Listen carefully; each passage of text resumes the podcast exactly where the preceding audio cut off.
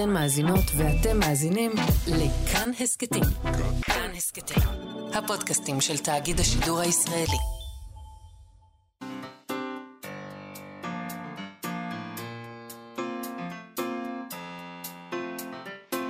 מה שכרוך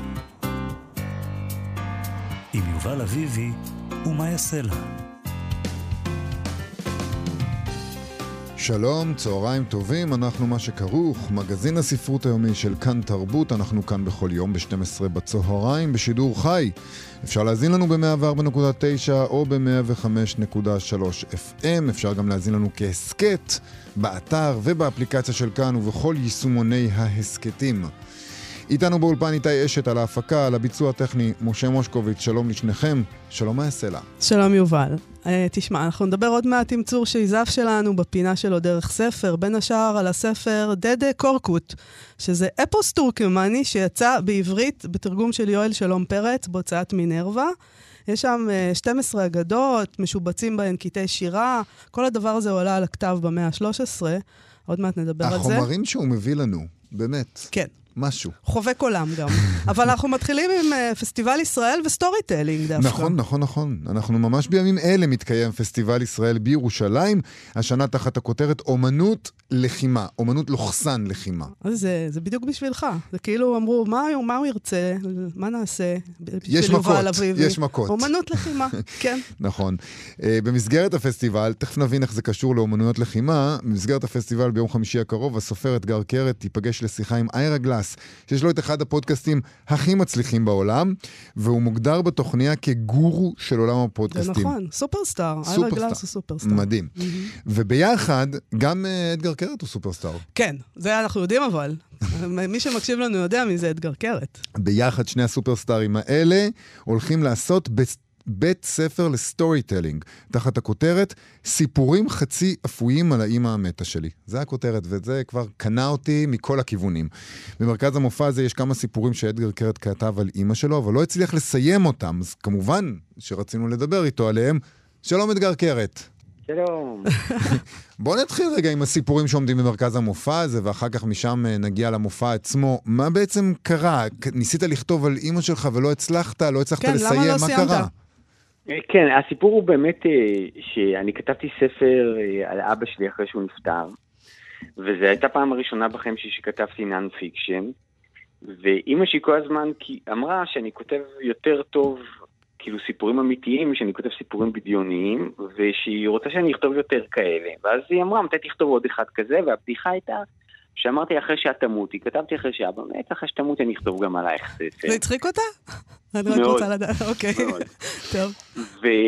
וזהו, ואז היא מתה, ואז אמרתי, טוב, בדיחה בדיחה, אני צריך לכתוב ספר, ולא הצלחתי, כי בניגוד לאבא שלי, שבאמת הוא היה בן אדם מאוד מיוחד וחד פעמי, אבל שהוא היה לי מאוד ברור, אז עם אימא שלי היו כל מיני דברים שהם מאוד מאוד סתירתיים, כי היא הייתה מאוד אה, מעודנת, אבל גם היה בצד מאוד אגרסיבי, והיא הייתה ממש דבר והיפוכו.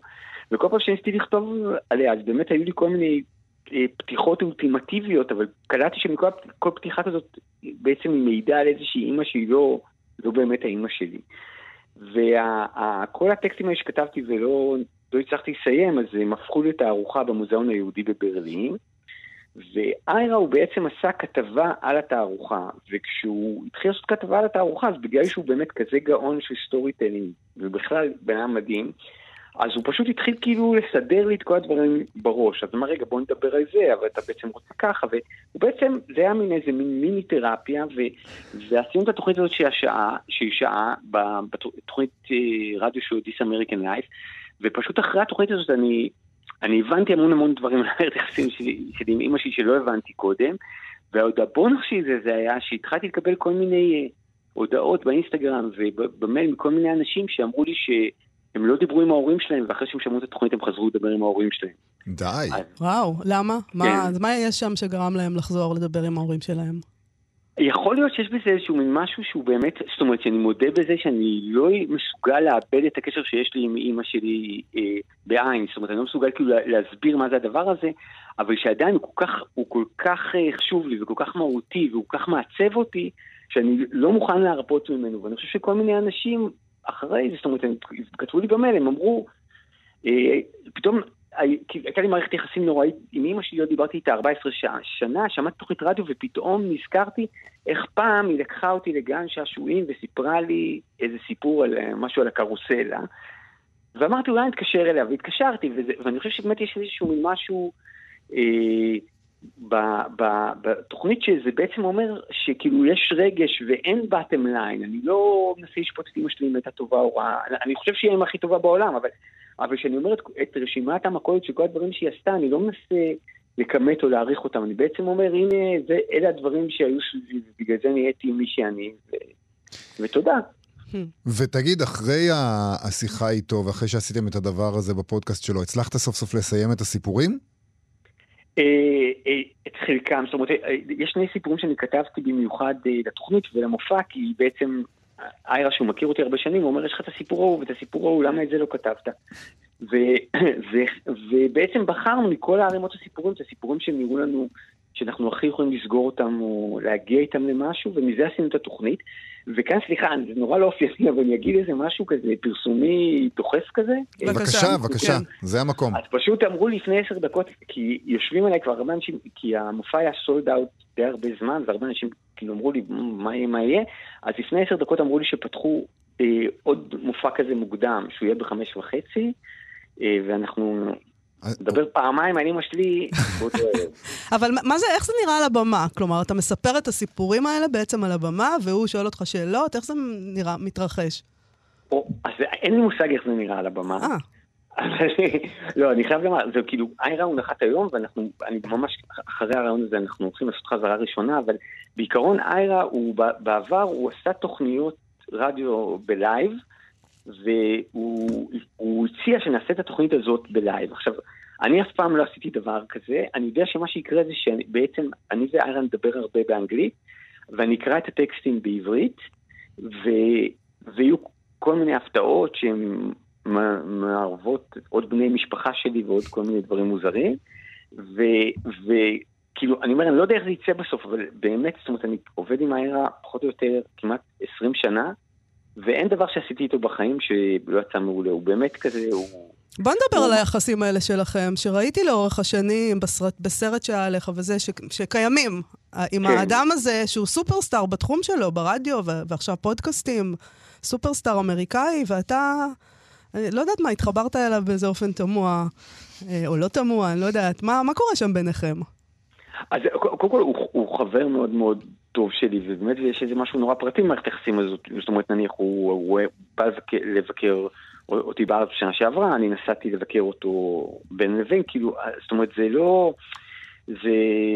הוא חבר פשוט. עכשיו, אני חושב שיש משהו באמת באופי של הארה שהוא בן אדם אה, שהוא כל כך... אני לא אשתמש במילה טהור, כאילו זה נשמע לא טוב, אבל אני אומר, יש בו משהו כל כך אה, אה, בוא נגיד, אה, סקרן ותמים, והוא חבר טוב והכל, שבעצם, שבעצם כל הכישרונות שלו והדברים שהוא עושה, אני קצת מרגיש שהמון פעמים שהם מחוץ לחברות שלנו, ולפעמים יש איזה רגעים שהם נפגשים. זאת אומרת, באמת, פעם הלכנו לאיזושהי תערוכה במומה, ו... ופגשנו את האומנית, ונהיה שם איזשהו קטע, ועושה איזה סיפור, אז פתאום אני הגעתי לתוכנית רדיו בתור חבר של איירה, אבל, אבל בגדול אין לנו הרבה דיבורים כאלה מקצועיים. בעיקר אני באמת חושב ש, שיש משהו באיירה שהוא ה storyteller הכי מדהים שאני מכיר, זאת אומרת ברמה ש... לא ברמה שיש לו איזה מין כריזמה storyteller, אלא כמו שהוא מבין מה זה סיפור. ויש משהו במפגש בינינו שהוא המון פעמים אני מספר לו מה קרה לי בחיים, ואז הוא אומר לי, לא, אתה לא מספר נכון, זה מה שקרה לך בחיים. לך הוא אומר, יפה. לא כן. הבנת, לא הבנת מה קרה לך. כן, וכשהוא אומר את זה, זאת אומרת, אני אומר, באמת, בעשר מעשר הוא גם תמיד צודק. כאילו, אתה יכול לתת לנו איזה דוגמה אולי, בלי לעשות, בלי להרוס את המופע או משהו כזה, כן. חס וחלילה, אבל לתת איזה דוגמה לאיזה סיפור על אימא שלך, שלא התחבר לך, כן. ואז איזה, את, ה, את הנקודה שהוא העלה שסגרה לך את הפינה, ש, שעשתה לך את הטוויסט הדרוש? אה, אז, אז אני באמת אה, חושב שנניח יש, איזה, יש איזשהו טקסט שהוא לא הופיע בתערוכה, שהוא טקסט שפשוט שבו אימא שלי מאיימת ברצח על הילד של השכנים, ושאני כאילו בסיטואציה הזאת אני מבין שאם הילד לא יעשה מה שהיא אומרת, היא באמת תהרוג אותו, זאת אומרת שזה לא, שזה לא איום ריק, לא, זה בכלל לא מצחיק, זה אחד הרגעים הכי קשים בחיים שלי, זאת אומרת, זה באמת... אני לא מאמינה לך, אתגר. זה סיפור אמיתי שאתה זוכר מהילדות? זה סיפור אמיתי, זאת אומרת, ברמה כזה שהיא אומרת לו, אתה רואה, אני אשחט אותך, אני אזרוק אותך כאן לקונטיינר של הזבל, והיא מסבירה לו, עכשיו, ממש באיזה פירוט קליני, באיזה קור רוח כזה, שהיא כאילו, כאילו אומרת, אני לא רוצה להרוג אותך, אבל את הבעיה, אם לא נפתור אותה ביחד. רגע, מה הוא עשה אבל, אתגר? הוא היה מכה ילדים עם לום. אה, אה וואו. אוקיי. אז אני אומר... זה באמת סיפור נורא ואיום, כאילו, כשחושבים על זה, אה, מנתקים את זה מהסיטואציה המצחיקה כרגע. לא, זה מפחיד, כי אתה יודע, כי אני, אני נמצא שם בסיטואציה, והיא אומרת לו, אם אתה עכשיו תעשה איקס, אני אהרוג אותך. ואני כל הזמן אומר, אני יודע שהיא תהרוג אותו, ואני לא יודע איך לדברר לו את זה, שזה, שהיא לא סתם אומרת, כאילו, שהיא באמת הולכת להרוג. עכשיו, עכשיו, אז היה משהו בסיפור הזה שאני מאוד התביישתי בו. כי כאילו אמרתי, מה זה, מה, אימא שלי רוצחת ילדים, וזה וזה, אני אומר, זאת אומרת, זה לא, זה עוד היה בתקופה של הממשלה הישנה, שהיה פחות נהוג. אז אני אומר, אז, ונניח שדיברתי עם איירה, אז איירה ממש, דרכו הבנתי שהסיפור הזה הוא סיפור שהוא בסדר, זאת אומרת שהסיפור הזה הוא סיפור, הוא באמת, הוא סיפור על אהבה ועל קיצוניות ועל הכל, אבל בעצם, זאת אומרת, שזה לא סיפור שהיא מספרת אותו לאנשים, אז הם... אז הם לא ירקו שהם ישמעו את השם של אמא שלי, שבעצם מתוך, תחת הדבר הזה, אז מסתתר, מסתתר משהו מורכב ומסובך, אבל לא משהו שהוא בעצם כאילו אה, יכתים את, את זכרה. אז זה מה שמאפשר לך להגיד, אני יכול לספר, בכלל אני יכול לספר את הסיפור הזה, והבושה שאני מרגיש, או הפחד שהרגשתי, הטראומה שהרגשתי כילד, אני יכול להשתחרר מהם ובכלל בכלל להעלות את הדברים האלה על הכתב, או, או לספר אותם. כן, כן. זאת אומרת שזה לא קשור בכלל לסוף, זה קשור, ב... לא. זה למעשה בכלל קשור להתחלה, בכלל להתחיל לחשוב על הדברים האלה אה, ולהוציא אותם מה... מהמקום הטראומטי. אבל, אבל זה נכון, אבל אני גם אומר שעם איירה זה בסוף יורד לרמה של המילה, אני סתם איזשהו טקסט שכתבתי לו על זה שאני הייתי צמחוני מגיל חמש, כי ראיתי את במבי, ולא אמרתי שאני לא מוכן לאכול את החברים של במבי, שהציידים הרגו אותם וזה, ושאימא שלי פיתחה כל מיני סוגים של אה, מזונות צמחוניים, כאילו שעוד לא היה את המדע, כאילו, אתה יודע, היא הייתה מכינה לי שניצלים מהמזרון, כאילו, אתה יודע, זה כאילו, היו לה כל מיני טריקים מטורפים וזה וזה. עכשיו, נניח סתם, כשכתבתי את הסיפור הזה, אז, אה, אז אצלי היה נורא נורא, קטע נורא נורא ארוך כזה של איך היא גילתה את המרכיבים שבעזרתם היא המציאה כאילו את האוכל החדש.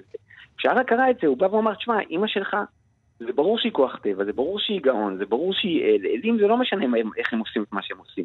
בוא תספר איך הדבר הזה השפיע על אנשים. מה היה קורה למי שאוכל משהו שיש לו טעם של חצי סטייק, חצי גומי וחצי נעל בית, כאילו. אז, אז, אז באמת, זאת אומרת, זה היה איזשהו משהו שכל הסיפורים האלה, איכשהו נפלו למקום הנכון שלהם, כשהם עברו את הפילטר הזה שהיה לי, שהם נמצאו בדיאלוג ביני לבין העיירה.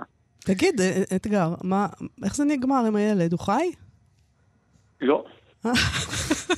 לא, זאת אומרת... אבל לא מאימא שלך.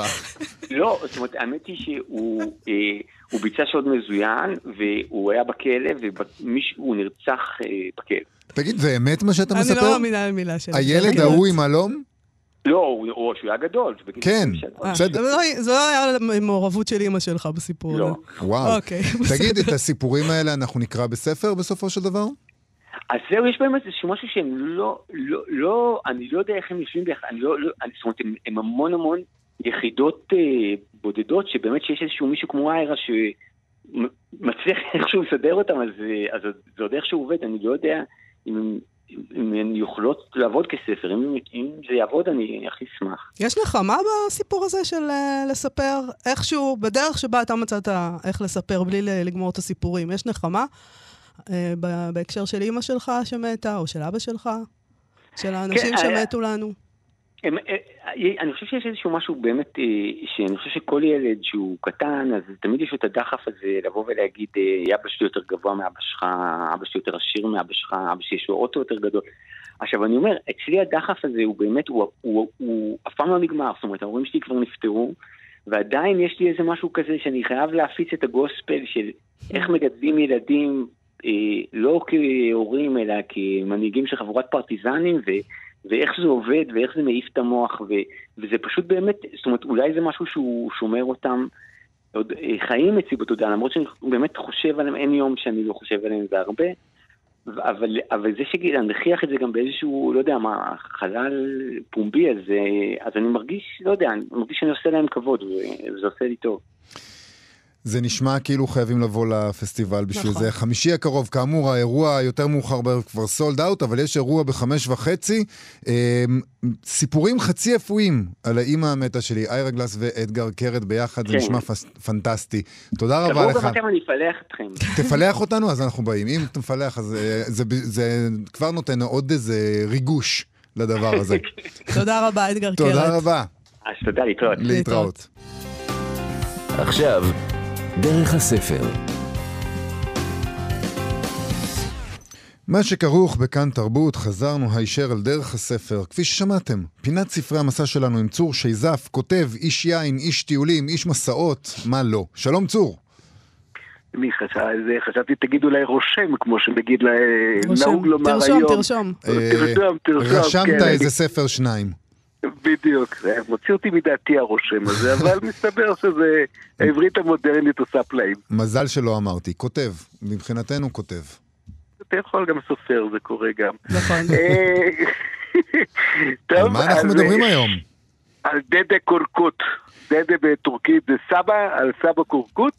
אנחנו מתעסקים עם ספר אה, שהוא בעצם סוג של אפוס שמתעסק עם המיתולוגיה הטורקית. עכשיו, העניין עם הטורקים, שהטורקים זה לא אנשים שאנחנו רואים, זאת אומרת, זה כן אנשים שאנחנו רואים היום במה שאנחנו רואים טורקיה, אבל זה בעצם שבטים, קבוצת שבטים שיוצאת ממונגוליה ומנצ'וריה, בערך לפני אלפיים שנה, ומחליקה לאורך החומה הגדולה שהסינים אה, בונים כדי שהם לא יחדרו דרומה, ומגיעה למרכז אסיה, ומתישהו הם מגיעים לחופי הים הכספי, ואפילו יותר מערבה לכיוון טורקיה של היום, משהו כמו לפני 500-600 שנה. אמ, הם מפתחים כמובן ספרות עשירה, אבל הספרות הזאת היא לרוב ספרות בעל פה, והיא מכונסת על ידי כמה ספרי אגדות. עכשיו, מי שחקר אותם במהלך אה, שנות ה-60 וה-70 זה איש שמי שמספיק זקן כמוני זוכר את שמו, גונר יארינג. למה, למה אתם זוכרים, זוכרים את שמו? למה אנחנו זוכרים את שמו? מכיוון שהוא היה שליח האו"ם שניסה לעשות שלום בין אה, ישראל יארינג, נכון, ומצרים. נכון, כן. בדיוק, נכון, לא הרינג, יארינג. נכון, יארינג, כן, אז מכירה את אני- השם. אותי זה נורא, כן, אני, אותי זה נורא שעשע, כי אני בשנות ה-90 עבדתי על דרך המשי, ודרך המשי כמובן עוברת דרך השטחים הטורקיים של מרכז אסיה, ואז הבאתי, ביקשתי מדודתי שתשלח לי כמה ספרי אגדות טורקיות מהחנויות הספרים המשומשים של Great Russell Street בלונדון, אז עוד לא היה אינטרנט ודברים כאלה, וראיתי שמי שתרגם, מי שחקר ותרגם את האגדות הטורקיות, היה גונר יארינג. אה, סתם אנקדוטה, לא תעזור לכם בשום דבר בחיים. אני בטוח שזה מקרה- יעזור לנו איכשהו.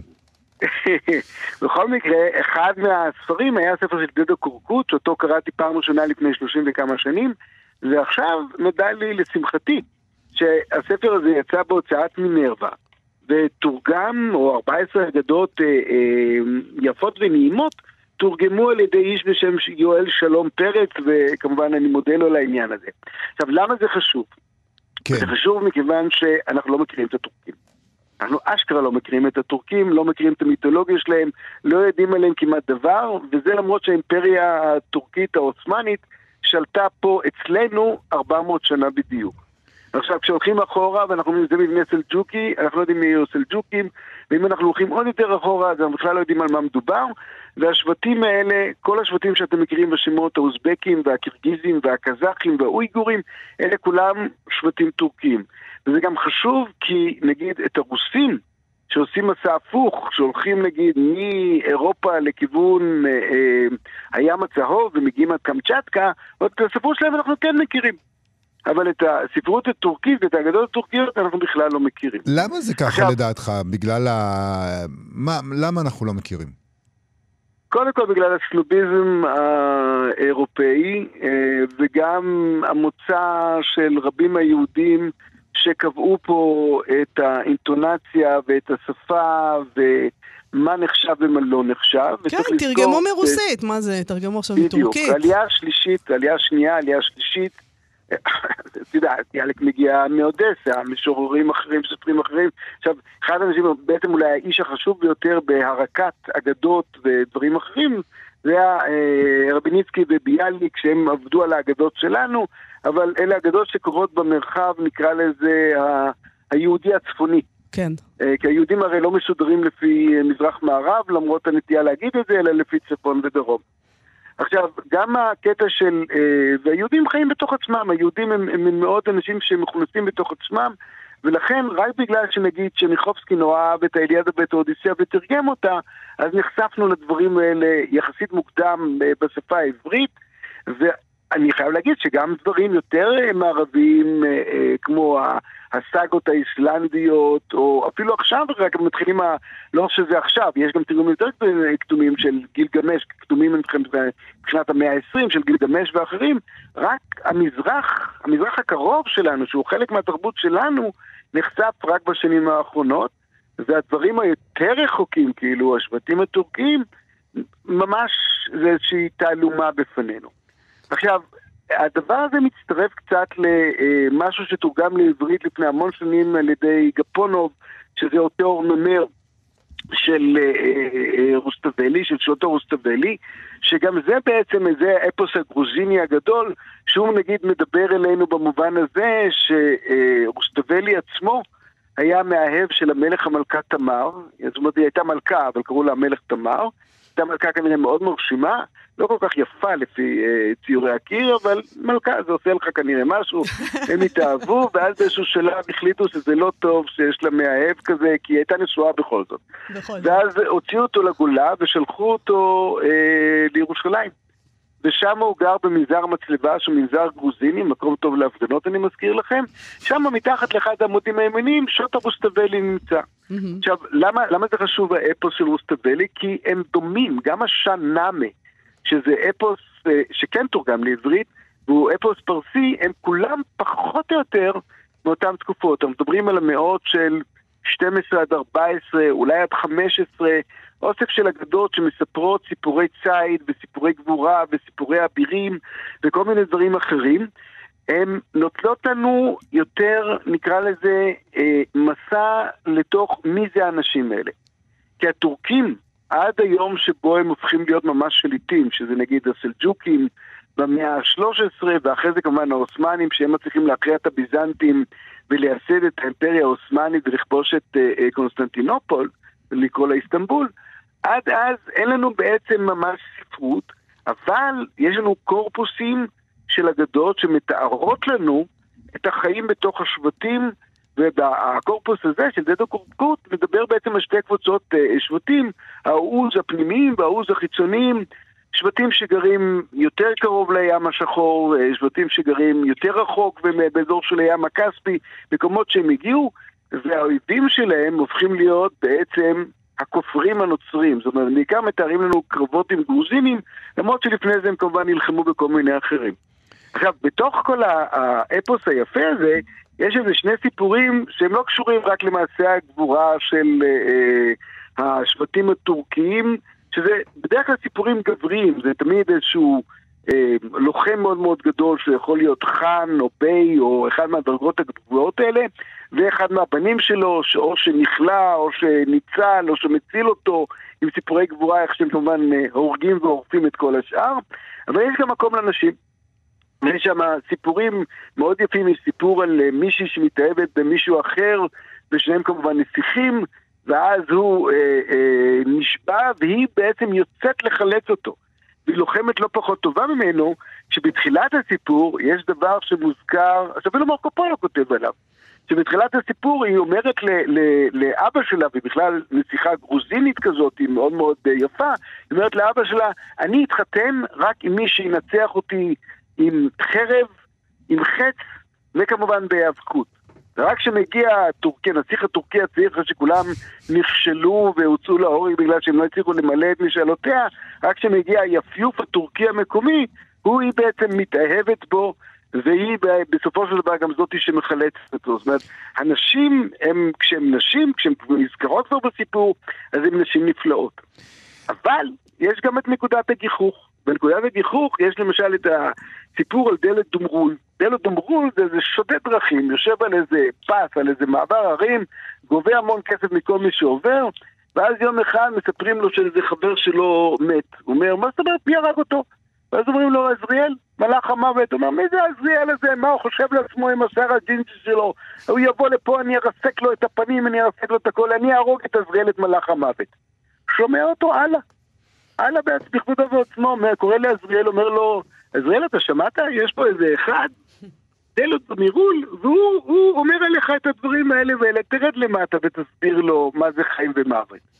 ועזריאל יורד למטה ומתיישב כמובן על החזה של דלו דומרול, ודלו דומרול בנשימותיו האחרות מתחיל להתחנן לאלוהים ואומר, אלוהים, לא התכוונתי להעליב אותך ולא התכוונתי לפגוע בך, אני יודע שאתה הכי גדול והכי נפלא וכל מה שיש, ועשה לי טובה, תן לי את חיי לשלל. אלוהים מקשיב לו, ואומר לעזריאל, עזריאל, אתה יודע מה, תעשה איתו עסקה. אם הוא מוצא מישהו שיחליף אותו, ואנחנו ניקח את חייו במקום את שלו, אז בסדר. קיצור, אומר לו עזריאל, תשמע, לך תמצא איזה מישהו, הלאה שמע את תחנוניך, אם זה מישהו שיחליף אותך, יאללה, תמשיך לחיות. אז הוא הולך לאבא שלו. ילד אמרו לו, הולך לאבא שלו ואומר לו, אבא, תשמע, קרה כך וכך, אני בנך בכורך, ילדים, נכדים, זה הכל ממני, אתה מוכן בבקשה לוותר על החיים? ואבא שלו אומר לו, את הגמל הכי טוב שלי הייתי נותן בשבילך. את כל הסוסים שלי, את כל הכבשים שלי, הכל הייתי נותן בשבילך. כל החיים האלה כל כך מתוקים. לך תדבר עם אימא שלך. אימא שלך, היא בכל זאת, אתה יודע, היא מאוד אוהבת אותך, אולי היא תסכים. קיצור, הולך לאימא שלו ואומר לו, אימא שלי, את ילדת אותי, את שהענקת אותי, את שחיבקת אותי, את שזה... האם את מוכנה? והיא אומרת לו, את כל העולים הייתי רוקמת לך. שטיחי העולם הייתי רואה את זה, מבשלת לך את הטוב שבה... אבל החיים האלה כל כך מתוקים, לך נמצא מישהו. אין לו מה לעשות, לו, תאמרו לו, לך לאישה שלו, לך לאישה שלו, אומר לו, אישה, תשמעי, כך וכך קרה. אני לא יודע מה לעשות, אולי אני צריך מישהו שייתן את חיי וגורם. האישה אומרת לו, אתה יודע מה? אתה אבא של הילדים, אני יודעת שאתה תתחתן יפה אחריי ותגדל את הילדים יפה ותעמיד לנו יורשים ותעמיד לי שם, אני מוכנה. ואז הוא הולך לעזריאל ומספר לעזריאל שהאישה מוכנה, ואז עזריאל בא לאלוהים, ואלוהים אומר לו, אתה יודע מה? האישה הזאת היא בסדר, למה, למה שניקח אותה? היא הרי התנדבה במקומו. אנחנו ניקח את ההורים. כי ההורים, הם לא חסו על הבן שלהם. עכשיו, גם האישה, והאישה תיקח את האנשים, את השנים שנשארו לאישה, והגבר ייקח, הגבר ייקח, את אל דומול ייקח את השנים שנשארו לאבא שלו, והם יחיו כפול. וככה היה. זה אה, אזהרה חמורה להורים. אזהרה להורים. אתם לא, אם אתם לא הורים מספיק טובים, אוי ואבוי לכם. מה זה? אתם צריכים למסור את נפשכם. ממש. וואו, טוב, קשה. לגמרי, חמור. לגמרי, לגמרי, לגמרי. אז יש פה גם חוש הומור, וזה חשוב. אז כן. אני חייב לשאול אותך, אבל אה, מאוד. אנחנו צריכים עוד מעט לסיים, אבל אה, עד כמה הדבר הזה נוכח ב- בטורקיה של היום? זה בכלל, אה, זה בכלל משהו שמעצב את התרבות שלהם? זה משהו שעדיין נוכח? זה משהו שקשור אולי לעממים בתוך טורקיה עכשיו? לא, אני חושב שמה שצריך לראות, וזאת הנקודה החשובה ונקרא לה רצינית. אתה קורא ספרות בשביל להבין את ה, מה מנחה את העם מבפנים. האפוס, המיתוס והפתוס אלה דברים שהם בעצם רוחו של עם.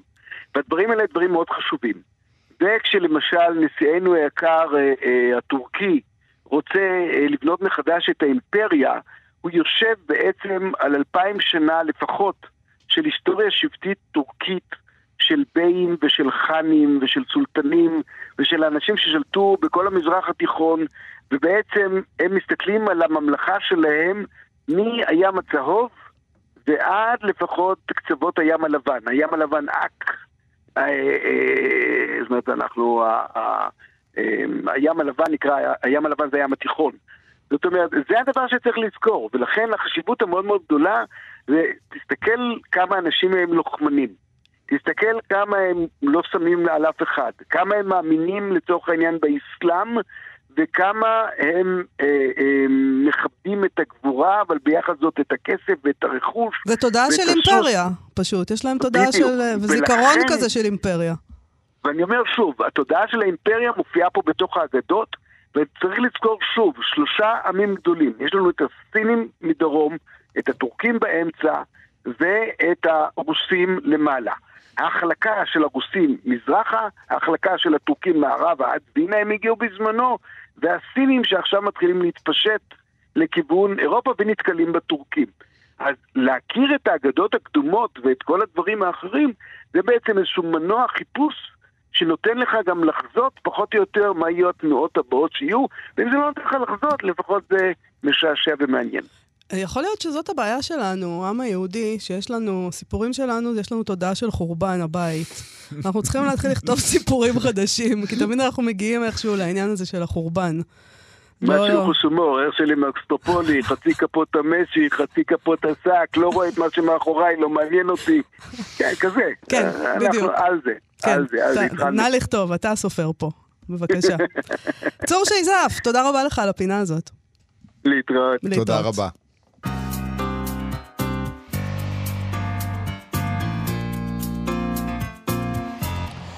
אנחנו מה שכרוך בכאן תרבות, חזרנו. תשמעי, את זוכרת בוודאי שדיברנו בשבוע שעבר על האפשרות שיבטלו את ספרי ארתור המצוירים לילדים? בוודאי. איך- אשכח? אני אוהבת את ארתור. נזכיר בשתי מילים על זה, תזכיר. סתם שתדעו על מה מדובר. כן. זה ספרים מאוד מאוד מתוקים לכאורה, אבל יש אנשים שמ- של ארתור. לא, דמות- לכאורה, מתוקים. לא. אנחנו לא מתחייבים עכשיו על כדברים. זה נהיה עניין משפטי פשוט. נכון, נכון, אתה צודק לגמרי. אה, שכחנו לשאול את היועץ המשפטי שלנו, אם מותר לנו להגיד שהספרים חמודים. חמוד, בדיוק, לך תדע, אולי הם פוגעניים. אולי כן. הם פוגעניים, אי אפשר לדעת. אה, בקיצור, איש אחד חשב שהם פוגעניים, הספרים האלה, הספרים מצוירים על ארתור, בגלל שיש, היה שם איזה ספר אחד שבו אה, מקבל אה, אה, בקבוק שכתוב עליו ספין דה באדל, נכון? ואז כזה הוא אמר... זה משחק אמת משחק אמת או חובה, או והוא חובה. אמר זה עלול לפגוע בילדים, כי יש שם אה, אמת או חובה, זה אי אפשר לדעת מה קורה שם. צריך כאילו בעצם ל- להתנשק שם. צריך לנשק להתנשק. את הילדה או את הילד שהם ממול. זה יפגע בנשמות שלהם, הטהורות, זה מה אה, שהוא אני אמר. אגב, אה, אם אנחנו כבר מדברים על זה, אז כן. אני טענתי אה, טענה פמיניסטית, כן, סליחה, לא, בסדר. שאני תומכת בעניין הזה, כי המשחק אומר שחובה עליך לנשק את נכון, ה- זה מה שאמרת. הילד שממול, את ב- ואני לא מוכנה שיכריחו את אותי אומרת- להתנשק. חס. וחלילה. יפה. Nobody puts baby in the corner. וגם אה, לא מוכנה שיכריחו אף ילדה או ילד להתנשק. חד משמעית. השאלה. השאלה האם באמת זה מה שספרי ארתור אה, אה, מכוונים אליו, ודאי שלא. והאם את עומדת בכתף אה, אל כתף עם, לא. אה, אה, עם האבא הזה שהתלונן. על הספרים האלה, אגב, שקראו לו בגללם... מר פרידמן, אם כן, אני זוכרת נכון. נכון, מר פרידמן, כן, בדיוק, ככה קראו לו. טוב, הנה משהו נוסף, אחרי שעשינו את כל, ה, את כל השחזור הזה, יש כן. משהו נוסף שאינו בלתי קשור. יש שופטים בארקנסו, לפחות מתברר. שם, לפחות בארקנסו בארקנסו. יש שופטים, והם עומדים אה, עם אה, עמוד שדרה זקוף, מה שנקרא, ועוצמתי מול הדבר הזה. שופט פדרלי בארקנסו עצר זמנית חוק. של המדינה, הם ניסו לחוקק במדינה חוק שקובע שמסירת חומרים מזיקים לקטינים בידי מוכרי ספרים או ספרנים וספרניות היא עבירה פלילית. זה החוק והוא עצר אותו. נכון. החוק הזה היה אמור להיכנס לתוקף ביום שלישי. שעבר, אה, כן. שעבר, אה, אבל בשבת הוצא לו צו מניעה. אה, הוא נענה לעתירה של חנויות ספרים וספריות שטענו שהחוק הזה נוגד את החוקה. כן, אה, איזה כיף זה שיש חוקה. יש חוקה. ואז אפשר פשוט להיות חוק שנוגד את החוקה. אז שופט יכול להגיד, רגע, זה נוגד את החוקה, אי אפשר. השאלה היא מתי מתחילים להגיד, תקשיבו, אה, החוקה הזאת היא, מקל בגלגלינו. נכון. בואו... מי נס- אתם שאתם תחוקקו בואו חוקה? נעשה אני לא רק מבינה. שינוי קטן אחד בחוקה, כדי שיהיה למה? טיפה כי יותר אהרון נוח. ברק אמר, מה זה? אוקיי. אה, לא, יש דרך אגב אנשים שטוענים שהחוקה היא מסמך מאוד מאוד מיושן, שנכתב בזמנים אחרים לחלוטין, והגיע הזמן אה, לבטל כמה מהסעיפים המעיקים תמיד יש את שבו. האנשים האלה שטוענים, כן. שטוענים. טוב, קודם כל, הם אומרים גם, אה, בנוסף לענייני חוקה ועניינים כאלה, הם אומרים שהמונח הזה, שהוא חום, המונח חומר מזיק, אומרים אסור לחלק חומר מזיק לילדים. מה זה חומר מזיק? לא, כי אה, הורים נורא נורא מבוהלים, אני שמה לב, אה, בשנים האחרונות, מכל מיני דברים. עכשיו. המשחק הזה, בוא נדבר רגע על המשחק הזה, אמת או חובה. נגיד כן. שזה אמת או חובה. אוקיי. הוא קיים גם אם ילדים לא יקראו את ארתור. אתה, התפקיד שלך כהורה זה להגיד לילדים, לבת שלך או לבן שלך, אין דבר כזה חובה על מישהו לנשק אותך ולכן את מתנשקת. נכון. זאת אומרת, זה, זה התפקיד. ההורים פשוט לא רוצים את התפקיד שלהם זה כנראה. מאוד לא נוח, זה מעייף. זה מעייף. אם הם יקראו בארתור שיש אמת או חובה, זה לא הפעם הראשונה שזה ייוודע להם, וזה לא יגרום להם לא לעמוד לפני סיטואציה שבה הם ישבו במעגל ויהיו ברגע כזה. לא, להפך, זה מקום מאוד מאוד בטוח להתנסות בו. ארתור זה בטוח, זה זה נכון. מקום מאוד מאוד בטוח להתנסות בו בפעם הראשונה ב- ב- ביתרונות וחסרונות של משחק כמו אמת או חובה. מעניין למה ההורים חשים כה- מאוימים כי אנחנו- מלעשות את התפקיד שלהם. לא, אני חושב שאנשים אין כוח, אנחנו מאוד עייפים. אה, עברו לנו כמה שנים לא קלות. אוקיי, בסדר, אז יכול להיות שאתם לא חייבים ל- ללדת ילדים, לא, אם אתם עייפים אבל מכדי... עכשיו אה, קצת מאוחר מדי. עכשיו קצת מאוחר. אה, אם היו אומרים לנו קודם שזה יהיה כל כך הרבה עבודה, היינו חושבים על זה. סתם, לא היינו חושבים על זה, אנחנו יודעים רק בדיעבד לתקן את הטעויות שלנו, או לא או לא לתקן. לתקן, כן. בכל מקרה, המונח חומר מזיק כשלעצמו הוא לא לגמרי ברור. אה, בחוק הזה. חומר מזיק מוגדר כחומר שכולל עירום או תוכן מיני ושהוא חסר ערך, ספרותי, מדעי, רפואי, אומנותי או פוליטי. אבל הכל פוליטי, אז איך? הנה, אפילו מתו חובה זה פוליטי. אז אם יש עירום או תוכן מיני שיש לו ערך ספרותי, מדעי, רפואי, אומנותי או פוליטי, זה בסדר. אבל גם הם קובעים, יכול להיות שהתוכן הזה נקבע כלא מתאים לקטינים לפי סטנדרטי הקהילה, שזה כבר משהו אחר לא, כי לגמרי. תמיד זה מגיע לרגע הזה שאתה אומר, מי קובע? אבל מי קובע? מר פרידמן קובע. אה, העניין הוא שכשהם מגדירים את זה ככה, כמו שהם הגדירו חומר מזיק, אין שום דבר שאי אפשר להכניס, אה, שאי אפשר שלא להכניס לתוך ההגדרה הזאת, כולל פרסומת לאוכל לתינוקות. זאת נכון. אומרת, אתה תמצא איכשהו, זה לא מתאים. נכון. בקיצור, המתנגדים טענו שהחוק אה, יציב בפני ספרנים ומוכרי ספרים בחירה בלתי אפשרית. להוריד ספרים שמישהו עלול לראות בהם בלתי מתאימים, או, על חילופין, ליצור חללים סגורים למבוגרים בלבד, שזה מקום מסוכן כשלעצמו. אה, מאוד. חללים סגורים למבוגרים בלבד. לא הייתי רוצה להיות ילד שנקלע למקום כזה. בהחלט, זה ממש... בגלל המבוגרים, לא בגלל הספרים. גד... גן עדן מסוים לפדופילים. או, לחילופין, ברגע, אם אנחנו אומרים שזה מקום מסוכן, מקום שיש בו את כל המבוגרים האלה, אז אנחנו יכולים לאסור על קטינים להיכנס לחנויות ספרים ולספריות. שזה מה שהם רוצים. שזה דבר מדהים. אה, זה מה שהם רוצים. עולם כזה שבו לקטינים אסור להיכנס לחנויות ספרים ולספריות. אנחנו מדהים. מגנים עליכם מפני הידע. אנשים קטנים. אנשים קטנים. שלך צריך לא תדעו משהו. בדיוק. אה, השופט בכל מקרה קבע שהחוק יאפשר ואף יעודד צנזורה שמבוססת על עמדות והשקפות במקום על שיפוט אובייקטיבי של החומרים, וזה בניגוד לתיקון הראשון לחוקה. הוא הסכים עם המתנגדים לחוק שההגדרה של מה זה מזיק לא מהודקת מספיק, ובגדול הוא דחה את הדבר הזה, ועכשיו אה, ניתן, ניתן רק אה, לחכות ולראות מה יקרה לאותו עכשיו שופט, הם, עכשיו הם יגידו, אה, אתם ראיתם את השופט הזה? בואו נשנה את החוקה. או שנבטל את בית המשפט. אפשר גם לבטל את בית המשפט שם, נכון. בארקנסו, כן? לא... לא, ברור. בארקנסו. עם D9 אפשר לעלות על בית המשפט בארקנסו. בארקנסו. אוקיי. באמת, אני אמרתי את זה ואני אחזור ואומר את זה. העולם הפך למקום מאוד מתיש, וממש נמאס להתעסק בכל הבעיות הקטנות של כל אחד, של כל איזה מר פרידמן, שלא נראה לו איזה, איזה פרק בארתור. באמת. זה נכון. הניחו זה נכון. לנו. אה, תשמעו, אם אתם לא רוצים שהילדים שלכם יקראו דברים, אז אה, אל תיתנו להם לקרוא אותם. אבל הילדים שלנו... תעזבו את הילדים שלנו כן, בשקט, אה, באמת. תיתנו להם לא לקרוא בצנעה, למה בפרהסיה? למה בפרהסיה לא לתת להם לקרוא? נכון. טוב, נעבור לסטטוס ספרותי מהר. כן. סטטוס ספרותי של הסופר ניס... ניצן וייסמן, שכתב לציון יום הולדתו המאה וארבעה של uh, הסופר היהודי-איטלקי פרימו לוי, זה קרה בשבוע שעבר, וככה הוא כתב. אז זהו אדם, הינו ספרו הידוע של לוי, וגם שמו של השיר המובא בפתחו של הספר. ממקומכם הבטוח, הוא פונה אל הקוראים, מביתכם החם, התבוננו וראו את האיש העובד בביצה הקרה ושאלו את עצמכם, אז זהו אדם? הוא מבקש, הוא מצווה, הוא מזהיר, ראו אותו, אחרת תאבדו את כל מה שיש לכם, כי אתם עצמכם אינכם עוד בני אדם. שאלת הזהו אדם עוברת לאורך כל יצירתו של לוי, ככה כותב לנו ניצן וייסמן. הזהו אדם, איש האס-אס, הקאפו, משתף הפעולה, המלשין, האסיר, מי שעוזר לחבריו במחיר סיכון חייו, הנדיב, הירהיר, המסתדר, בונה מונוביץ', מפעל העבדים התעשייתי הענק בפאתי אושוויץ, בו שרד לוי 11 חודשים, היה עולם שלם, מטורף, שטני, קטלני. ולוי, לצד מאבק ההישרדות היומיומי, ידע בכישורי מדען וסופר, בעין חדה ולב רגשי ושכל חד, לפענח ולנתח ולתאר במאמץ לענות על השאלה המרכזית בעולמו של ההומניסט. הזהו אדם. שאלה טובה. זו שאלה מצוינת, אולי אפילו זה קשור אה, במידה מסוימת לאייטם הקודם, לעניין הזה של אה, מי קורא ומתי קוראים ואיך קוראים את זה. והוא אה, נותן לנו גם קטע מתוך הספר. כן. בבני האדם רבים ואף בעמים שלמים מצוי על סף ההכרה רגש שכ... שכל צר הוא זר ואויב. על פי רוב אמונה זו חבויה היטב במעמקי הנפש כדלקת זיהומית שלא התפשטה. מדי פעם היא מתגלה במעשים מקריים ולא עקביים, ואיננה מקור לחשיבה שיטתית. אולם, כאשר האני מאמין הסמוי מהעין נהפך למחשבה שיטתית, לעיקרון מרכזי של מערכת הקישים הגיונית, בקצה השרשרת מופיע מחנה הריכוז.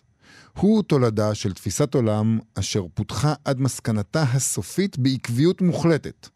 זאת לדעת, כל עוד תפיסה מעין זו קיימת, תוצאותיה מאיימות עלינו. כל בני אנוש חייבים לראות בהיסטוריה של מחנות הריכוז אות אזהרה לסכנה אורבת באופק. זה מעניין. זה אה, ספר ש... יכול להיות שיש אנשים שיחשבו שצריך להוציא אותו מהספריות. או לכל הפחות, לא להכניס ילדים. לא, לתוך, ילדים, אה, ילדים לתוך- בכל מקרה, לא יודעת אם זה הרגע להקריא. למה? קראנו פרימו לוי בתיכון. לא, אה, תיכון זה לא בין- ילדים. חטיבת ביניים תיכון. לא, לא. תלוי. 16-17 אפשר להתחיל לקרוא. בסדר. כן. יש אנשים שגם בגיל הזה חושבים שצריך למנוע מהם את הדבר הזה. Uh, טוב, בוא נגיד אבל שמאיטלקית תרגם את, ה... את פרימו לוי יצחק גרטי, נכון.